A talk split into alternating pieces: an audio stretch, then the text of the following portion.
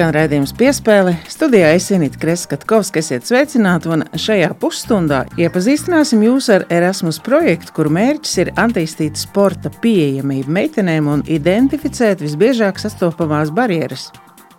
Projekta partneri iesaistīti deviņās valstīs, un piespēlē viesnis būs florboliste Linda Līce, kura uzrakstījusi arī pētījumu par sieviešu iesaisti sportā. Ilva Biedre, Latvijas Sporta Federācija padomas starptautisko programmu vadītāja, kurš strādā ar šo projektu, un arī Inita Jansona no, Latvijas Inline Hokeja Federācijas, viņa arī hokeja kluba aizgāles menedžeri. Raidījuma otrajā daļā atkārtosim kolēģi Mārtiņa Kļavinieka interviju ar hokeistu Hariju Brantu un treneri Kārli Zirni. Tātad labdien visiem un uh, droši vien, ka vispirms Ilva par to ideju, kādēļ šāds projekts ir radies. Cik zināms, tad ir iesaistīts deviņas valstis. Šis projekts meitiņa iedrošināšana sportot ir Uh, ir programmas Erasmus Plus sporta ietvaros, kur līdzfinansē arī Eiropas komisija. Tā ir tā tēma, par ko Eiropā tiek diezgan daudz spriests uh, par. Ne, ne tikai par meitiņu iesaistu sportā, bet par dzimumu vienlīdzību arī.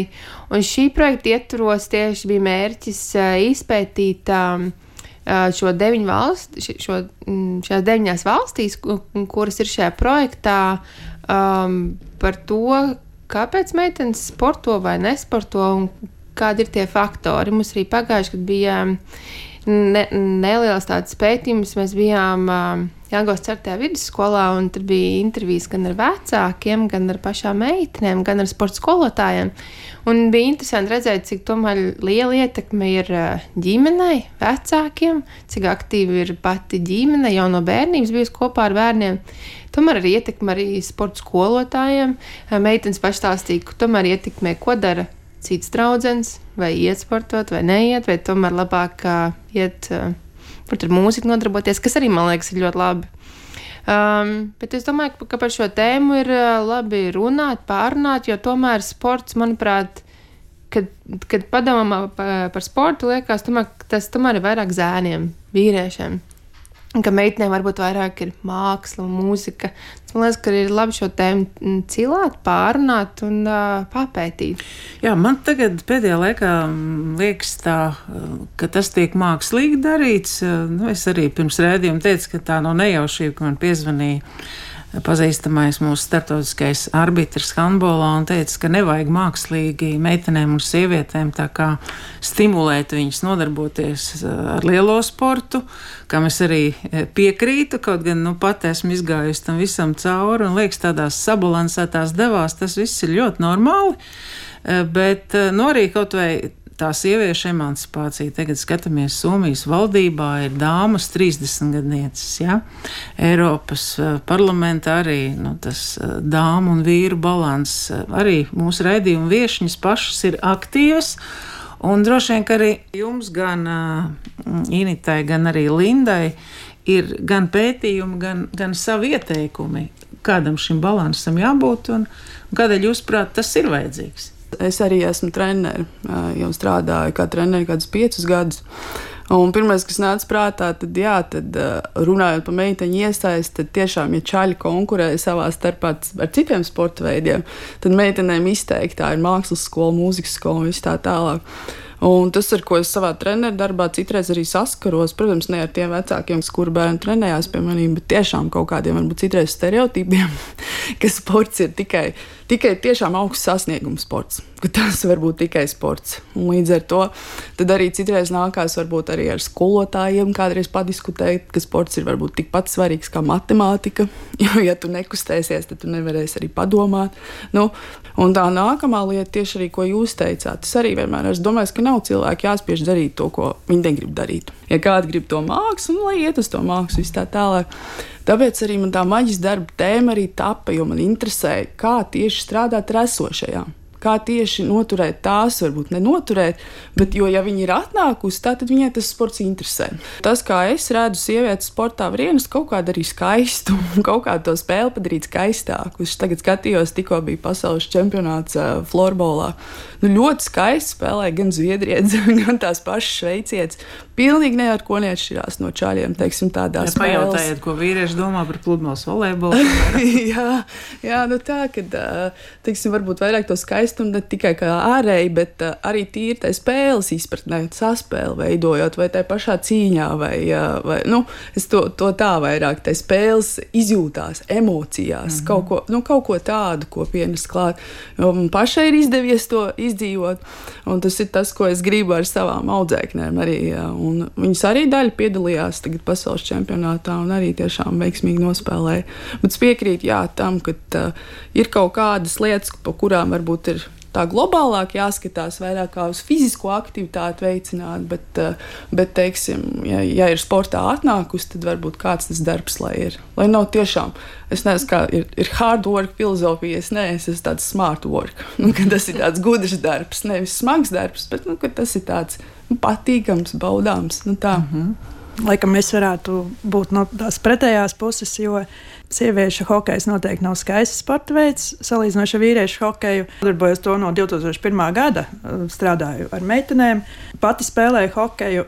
Var teikt, viens no mazāk traumatiskiem sporta veidiem, komandas sporta veidiem, jo mums ir pilnībā Mēs esam apģērbti no galvas līdz kājām, mums ir ķiveres, aizsektas sejas, elkoņi, cimdi, ceļi, bikses. Pilnīgi viss mēs esam no galvas līdz kājām klātas formās, kas līdz ar to tā vizuāli mūs padara resnes. Varbūt nesmukas, bet jo mums ir Mazāk mēs esam kustīgas. Jā, nē, nu, nav tā, ka kustības tur netiek ierobežotas, bet vienkārši tas, ka tu esi absolūti aizsargāts. aizsargāts un, uh, tas ir ļoti svarīgi. Es uzskatu, ka sieviešu, nu, vispār, lai sieviete izietu ārā, zinu, nu, basketbols vai vēl. Nu, Tur, kur ir uh, pilna kontakta spēle, kur var salauzt degunu, piemēram, ar alkoholu, nu, netīšām lecot no bumbas.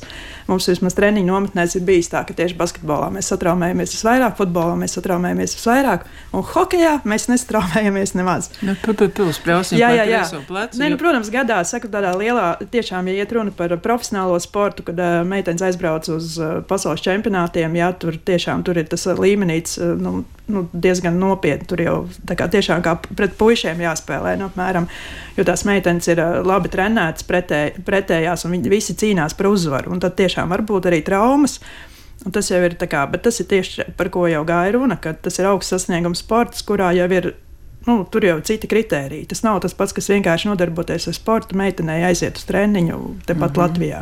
Mums ir estīti uz sejas. Jauniešiem līdz 18 gadiem un sievietēm pilnīgi visām, visos vecumos ir jābūt eh, slēgtai sejai. Tas nenozīmē, ka tas ir tikai lielais sports un šis projekts ar mērķi attīstīt šo sporta pieejamību un identificēt visbiežāk sastopamās barjeras, kas traucē nodarboties, Kāda vispār ir jums ideja? Skaidrs, ka tas projekts tiek apmaksāts, ir kaut kāda vēlme kaut ko panākt, vai ir šķēršļi un kādi ir tie pētījumi jau un, un, un, un tie tuvākie varbūt uzdevumi, ko jūs gribat panākt ar šo projektu? -hmm. Ar šo projektu mēs vēlamies uh, vairāk gan kā kampaņas veidā par šo tēmu runāt, lai, lai par to tiek vairāk domāts. Bet, uh, protams, ir federācijas, kur redzam, kur jau tiek diezgan daudz par to domāts gan futbolā, gan basketbolā, hokeja, florbolā, kur pat tieši ir atsevišķi pat uh, futbolā departaments. Uh, Daudz ir arī neapmierināti ar to, ka varbūt eh, gan finansiāli, gan tiek vairāk arī nu, emocionāli atbalstīts tas, lai iesaistītu tās dāmas. Es zinu, ka arī basketbolā kādreiz teica, nu, ka ir problēmas, ka nav kas tiesā. Kaut gan būtu iespējas šīs dāmas tiesneses virzīt šajā tieši līmenī. Vai jūs jūtat tā, ka ir tādas iespējas dāmām dotas vairāk, bet tie vīri, varbūt, kam šie, šie naudas līdzekļi tiek noņemti, nemaz nav tik apmierināti ar to? Kad bija jā, jāveic tas pētījums, es arī pārunāju ar dažādām trenerēm. Un interesanti, ka gan viens, gan otrs teica, ka viņi nemaz nejūt, vismaz no treneru viedokļa, tieši par sievietēm trenerēm, ka viņi nemaz nejūt, ka ir tik liela tā atšķirība Latvijā tieši. Viņas jūtās diezgan novērtētas savā amatā, kur strādā, jūtas vienlīdzīgas gan atmaksu ziņā, gan apstākļu ziņā, kas tiešām bija interesanti. Un to paši teica gan vīriešu treneris, gan sieviešu treneris, nu, kad, kad viņiem liekas, ka Latvijā ir diezgan vienlīdzīgi tas viss. Ko jūs pētījums varbūt pie kādiem secinājumiem jau ir novedis, vai ir, ir vēlme šo pētījumu rezultātā kaut ko pamainīt vai ieteikt? Es gāju studēt uz akadēmiju, tieši psiholoģisko sagatavotību, jo tas man liekas, beigas svarīgi vēl klāt arī tieši tam treneru darbam, ko es daru. Un es uh, skatījos tieši sporta motivāciju, kas bija interesanti. Protams, man interesēja, kāda tā ir florbolistiem, par cik es strādāju ar florbolistiem. Tas, kā teorijā, zinātnē, sporta motivācija iedalīta tādās divās lielās daļās. Ir iekšējā motivācija un ir ārējā. Tur ir vairāk tie paveidi. Teiksim, viens ir, ka iet sportā tikai tāpēc, ka ļoti, ļoti patīk visu kaut ko uzzināt par savu sporta veidu, rītīgi, rītīgi patīk trenēties. Nu, tā ir motivācija mācīties. Otra motivācija ir, kad uh, cilvēks grib būt vienkārši meistarīgs. Jebkurā lietā, ko viņš dara, viņš grib pilnveidot savas spējas, un no tā viņš kļūst, uh, viņš nu, dabū gandarījumu. Un tad trešā lieta, par ko runā, ir um, motivācija iet sportā, jo ir vajadzīgas emocijas. Tas ir tas, par ko runā daudz flow, plūsma, uh, nonākt plūsmā un vis tā tālāk piedzīvot to. Un kas attiecībā uz florbolistiem ļoti izteikti ir tieši šī emocionālā piesaiste, ka nāk florbolā, jo ir svarīgi šīs emocijas, loģiski, kas ir komandas sporta veids, tu sadarbojies, tu sadraudzējies, viss tā tālāk. Un es biju praksē arī Mūrjāņos pie volejbolistiem, un es intereses pēc iedevu viņām to pašu sporta motivācijas aptauju. Un tur atkal uzreiz bija daudz uh, augstāk rādītāji, jo redz, tur ir atlase. Tur tā teiksim, arī uzreiz atlases tās ritīgi meitenes, kas grib sportot. Un tur bija daudz augstāk, nevis daudz, bet nu, diezgan augstāk rādītāji tieši arī tā motivācijā, ka viņas grib mācīties tieši to sporta veidu. Un tas, ja es esmu treneris, tas uzreiz man dod lauku strādāt tīri ar volejbola tehniskām niansēm, visām tādām lietām. Savukārt florbolā varbūt vairāk ir tieši jāņem vērā tā emocionālā puse caur kaut kādām saliedētībām, arī šis, šie paši braucieni, nu, vi, nu kaut kādas tādas lietas. Uh mhm. -huh. Un tas ir arī interesanti vienkārši papētīt. Droši vien būtu interesanti paskatīties, kas notiek vispār ar puišiem. Manuprāt, cik es esmu novērojusi, viņiem ļoti ir konkurence svarīga, viss tā tālāk. Meitenēm atkal tomēr tu vari visu kaut ko stāstīt, pārliecināt, iepazīstināt, un tā Jā, tas man, būtu. Manuprāt, mm -hmm. tie, kas ir eh, ar komandas sporta veidiem nodarbojušies, mm -hmm. saprot, ka tajā, tādā veiksmes stāstā tā ir gan komunikācija, gan nu, no egoisma tiec vaļā. Nu, visas tās mm. īpašības, kas ir vajadzīgas. Un, Un, un droši vien, ka hokejs nav izņēmums. Kaut gan, ja vīriem uzdod jautājumu, jūs ar mazliet tā ar tādu ironiju teicāt par to ātrumu kustēšanos ar, ar smagām drēbēm. Un, kā mm. vīrs saka, sieviešu hokejs jau ir dāizlidošana. Ja? Ko jūs viņam varētu atbildēt? Mums uh, Latvijā ir ļoti augstā līmenī vīriešu hokejs, jā, un tāpēc arī iespējams uz tā fona sieviešu hokejs, kurš nav profesionāls, uh, jo puikas hokejs mums ir profesionāls, uh, tad loģiski, ka ja tās ir meitenes, kuras nāk savu prieku pēc, uh, pēc darba, kā, iemācīties slidot, noturēt noju, iemest kādu golu, nu, arī tīri. Lai sapulcētos, lai iepazītos, lai iemācītos, lai uztusētu savā, savā vidē un savā starp cilvēkiem. Tas tā tad ir nu, Tomēr tas, uz šo sportu jāskatās vairāk kā uz hobiju. Par um, sievieti, mātes lomu ģimeni, kas, protams, ir visbūtiskākais mūsu uzdevums. Mums vairāk gan projektā ir um, par jaunietēm. Kad uh, tomēr līdz tam vecumam, kad tu kļūsi par māmiņu, mm. ka mūsdienās jau par māmiņu kļūst ar vien vēlāk un vēlāk, bet, uh, bet vairāk ir tieši par jaunietēm, kā viņas, um, uh, to, ko mēs īstenībā pārnājām uh, pirms raidījuma, bija, kad kā tomēr noturēt ceļš, kad pienāk tie 16, 17, 18, 19 gadi, kad uh, parādās draugs, tomēr varbūt vairāk, uh, nezinu, sāk mācīties augstskolā. Kā tomēr to, to meiteni, īstenībā, man liekas, pušiem jau līdzīgi ir, kā tomēr tajā vecumā vēl, vēl noturēt. Jā, un jautājums tagad mūsu redzējuma izskaņā. Jums ir mājaslapa, jums ir, kā jau es teicu, sadarbība ar deviņām valstīm. Kā jūs redzat, gan šo informatīvo kampaņu, gan nu, ieteikumu radioklausītājām visticamāk? Ja, ja ģimenē aug meitenes, tad uh, censties arī ģimenē būt aktīviem un jau, jau no, no mazotnes jau parādīt, ka tas ir svarīgi. Ka, un, bet ka tas tiešām mums, kā Līna teica, ka nevienmēr tas ir par, kad ja tu iesaisties sportā, ka tas ir par augstu sasniegumu sportu kad eh, tas, tas visnotaļ nav par to primāri. Tas tomēr ir par tavu veselību, lai tu kusties, lai tu būtu uh, vesels. tas, man liekas, tomēr arī ieguldījums tavā nākotnē, jo tu būsi kustīgāks, dzīvīgāks, veselīgāks, tad tomēr arī cems mazāk slimos, mazāk traumu beigās. Man liekas, tomēr tas svarīgums ir uz, uz ģimeni, uz skolotājiem, būt par labiem motivatoriem arī un, un atbalstīt, ja redz, kad meitene grib sportot un tomēr iesaistīties.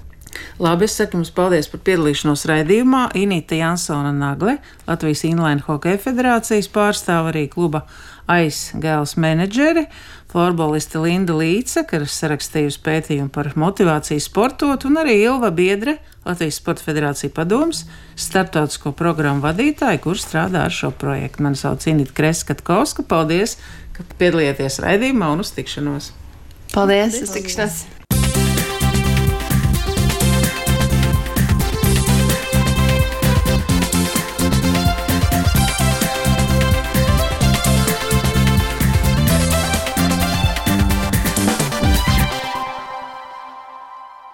Skan Latvijas radio pirmā kanāla sporta raidījums piespēle studijā Mārtiņš Kļavinieks. Latvijas 20-gadīgo un jaunāku puišu hokeja izlase šajā nedēļā aizvada pirmās divīzijas A grupas pasaules čempionātu. Tas ir otrā ešalona pasaules čempionāts, kurā nepiedalās pasaules desmit spēcīgākās izlases. Tiesa galvenais šajā komandā ir apliecināt perspektīvu un to, ka Latvijas hokejam ir gaiša nākotne.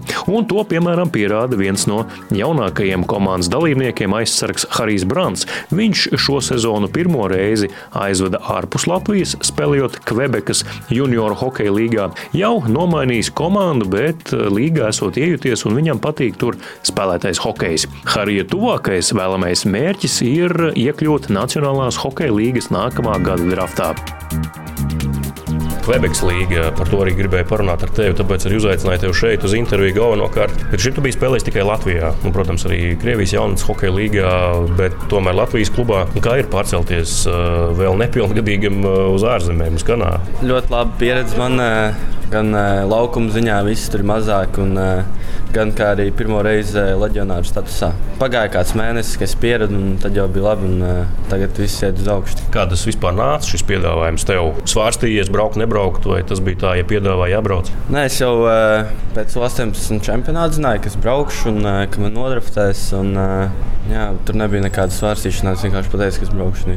Sākumā tu nokļuvi, saprotu, Francijas daļā, jo tā pirmā komanda izklausās diezgan francisks nosaukums. Uh, tagad tu spēlē tajā komandā, kur Rodrigo Abols savulaik arī spēlēja. Tā arī ir Francijas daļa, vai tur runā angliski vairāk? Jā, pirmajā komandā tur pilsēta tikai franču, tur angliski pat uh, daudz nerunāja. Un, uh, komandas biedri arī viss bija franču, un daži pat nerunāja angliski. Bet tagad jaunajā uh, viss ir angļu un uh, viss ir kārtībā. Nekādas uh, valodas tur uh, papildus nevajag zināt. Daži ir franču, bet uh, pārsvarā viņi angliski tikai arī runā. Kāpēc komandas maiņa sezonas laikā? Viņiem viens cilvēks atnāca no AHL, un uh, komandā tikai var būt divi importi. Es aizgāju uz citu komandu, dēļ tā, ka es gribēju spēlēt vairāk. Tikai. Tu pats meklē piedāvājumus, kur tu varētu pāriet uz kuru komandu, vai tev šī iepriekšējā komanda varbūt palīdzēja kādus variantus atrast? Nē, man jau pašā sākumā bija plāns, bet mm. nebija nekas jādomā un jālauž galva. Bija tikai jābrauc uz turieni. Līdz ar to arī viesģimene ir jāmaina, ja tu maini komandas. Kā bija iedzīvoties jaunā ģimenē atkal īsā laikā? Jā, nu, viesģimenē ir tā grūtāk, bet uh, ja tu pirmo nedēļu padzīvo bišķiņu un, un, un, un pierod Tur arī palīdzēja man vecāki un draugi, kas atbrauca pie manis un, un, un bija uzcēlīja man uz augšu. Viss kārtībā. Rodrigo Abolu atceras vēl Titan komandā.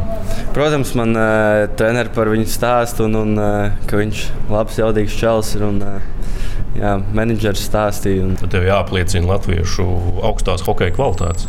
Protams, es cenšos. Jā. Rezultatīvitāte pietiekami laba jaunajā komandā, tev kā aizsargam, kā tu esi iejuties uz, kā jau teici, maziem laukumiem. Pirmajā komandā man bija lielais šitais Eiropas laukums. Tāpēc, mm.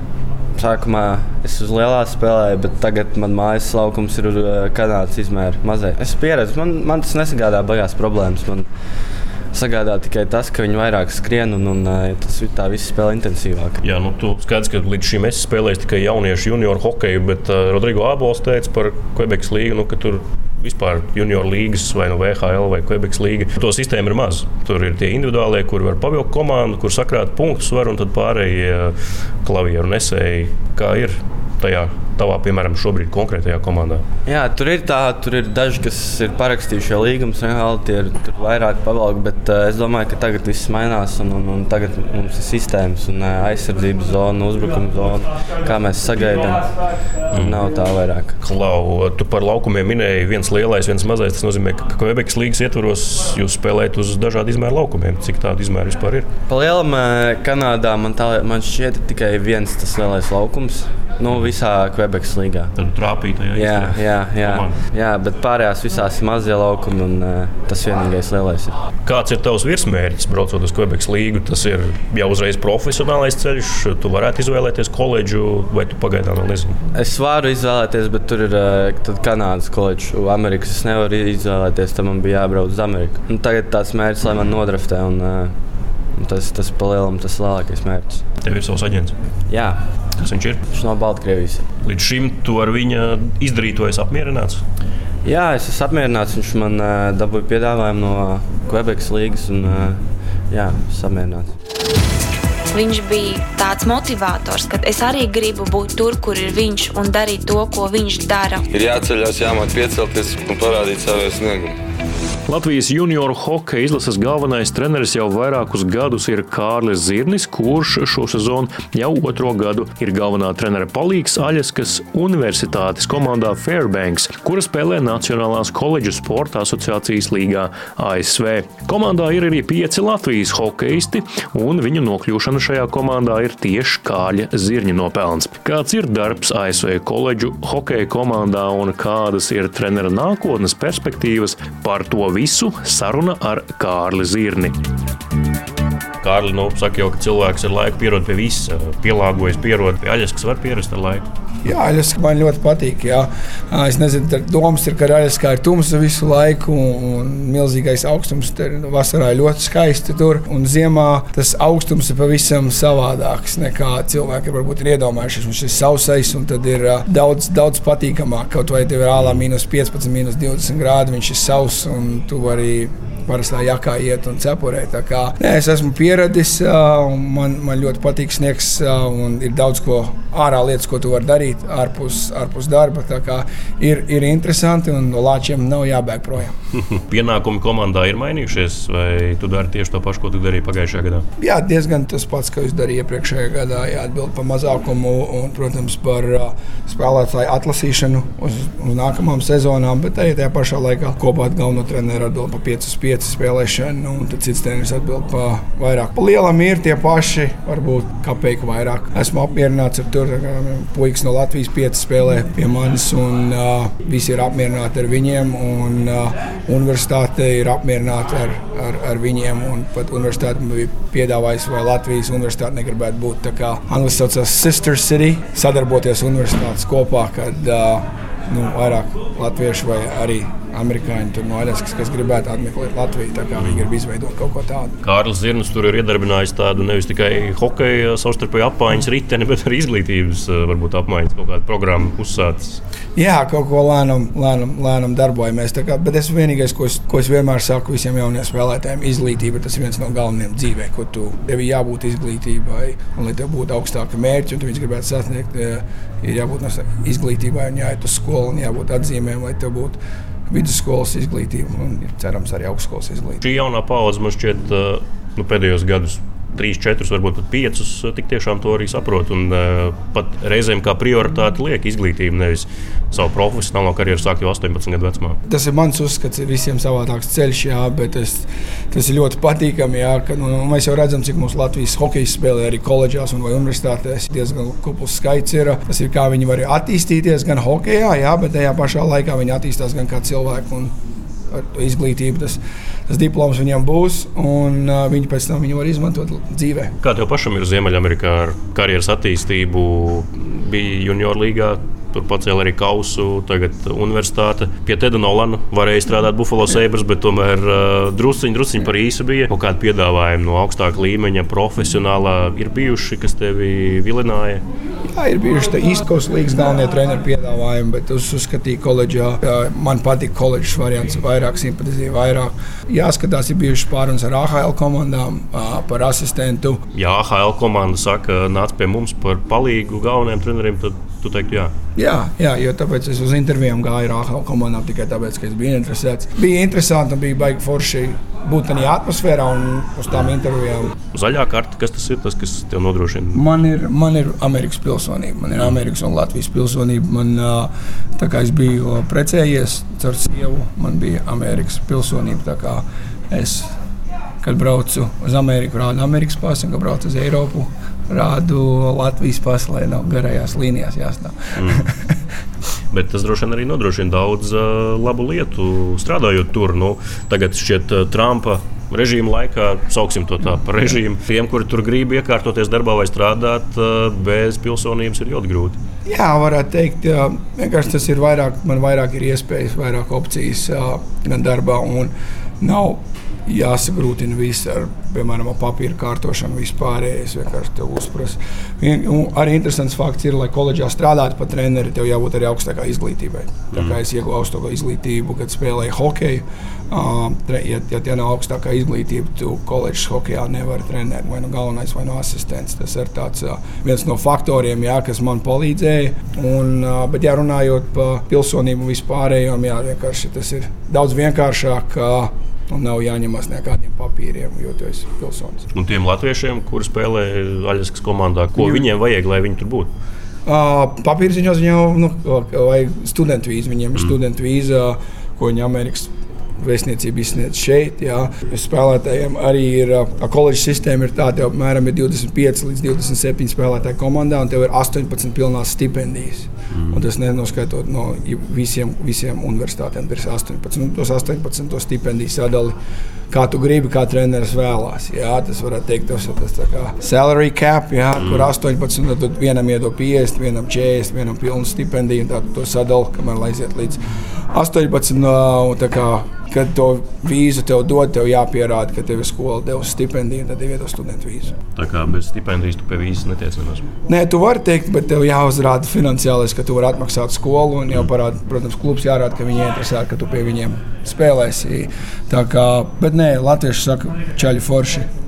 Es jau pirms tam iepriekšējos gadus visu zināju, jā, bet man ir prieks par viņiem, ka jā, ne tikai tas hokejs, jā, bet viņi cenšas skolā un izdara visu, visu lai varētu lai dabūtu savu izglītību un diplomu. Šiem konkrētajiem aļaskas piecīšiem viņiem visiem ir pilnā stipendija. Negribu tev teikt, ka tas ir tas vairāk mazāk noslēpums, komerces noslēpums, bet uh, vairāk mazāk jāpalielina viņiem visiem ir uh, pilnā stipendija. Tā kā Latvijas hokeja kvalitātes pierāda sevi, ja viņi var izkarot uh, katrs vienu no šīm 18 vietām, tas jau parāda kaut ko par uh, kāda ir Latvijas hokeja skola un ko tā iemācās. Protams, protams, tas ir uh, Latvijas. Es vienmēr uzskatīju, ka mūsu, mūsu čaļi ir labi spēlētāji. Viņiem tikai ir grūtības citreiz, kas viņiem iedod to stūmienu, tur vai kāds pa viņiem aizliek vārdu. Jā, mm. un, jo kad viņi tur uz vietas un pasaka treneriem, ej, viņš var, es viņam ticu. Bet tu jau to treneri esi sastrādājies, un viņš zina, ka tu galvo par viņu. Jā, kad viņam pirmā nedēļā neiet, es saku, būs ok, viņš var spēlēt. Un tad vienkārši tāds grūdienis viņiem drusku palīdzību, citiem vajadzīga. Citiem nē, viņi uzreiz sāk labi spēlēt un sev parādīt gan nometnēs, jā, tās trajot nometnēs. Bet ir bijuši ķēļi, kur uh, varbūt treneris man zvana, un nu, viņš ne, nevar. Es saku, nu, pagaidi sekundi, iedod vēl viņam iespēju, un tad beigās viss sanāk. Jā, jo galu galā viņi atbraukuši no Latvijas, un nu, tā ir cita kultūra, vide, un arī jāpierod pie būšanas tur. Jā, tas ir process. Tas ir, tas ir process, un es domāju, arī Piemēram, Elsmers Likins redz, tas ir process, jā, pie, kā, pie kura jāpierod. Jā. Vienkārši junior līgās tev citreiz nedod to iespēju pierast. Jā, tev nav kontrakts, mm. nekā tev nav. Tev vienkārši jāierodās uz nometni, sev jāparāda no labās puses. Un tu varbūt tajā nedēļā vai divās neesi vēl pieredzējis pie laukuma, pie ēšanas, pie vienalga bija tajā pie laika maiņas un vispārējais. Tev no tiem uzreiz prasa A plus spēli. Tev varbūt viņas nav, un tur tāpēc ir tas, ka jāpalīdz viņiem, tiem ceļiem, un jā, jāpasaka, jāpasaka treneriem, ja viņš var, viņš, viņš māks spēlēt, iedod viņam drusku vairāk laika, viņš pieradīs, un vienkārši tas nedaudz grūdienis. Izskan gada pēdējā piespēle, Esinīta Kreskatkovska un Mārtiņš Kļavnieks sakām uz sadzirdēšanos visiem veiksmīgu, sportisku un laimīgu 2020. gadu.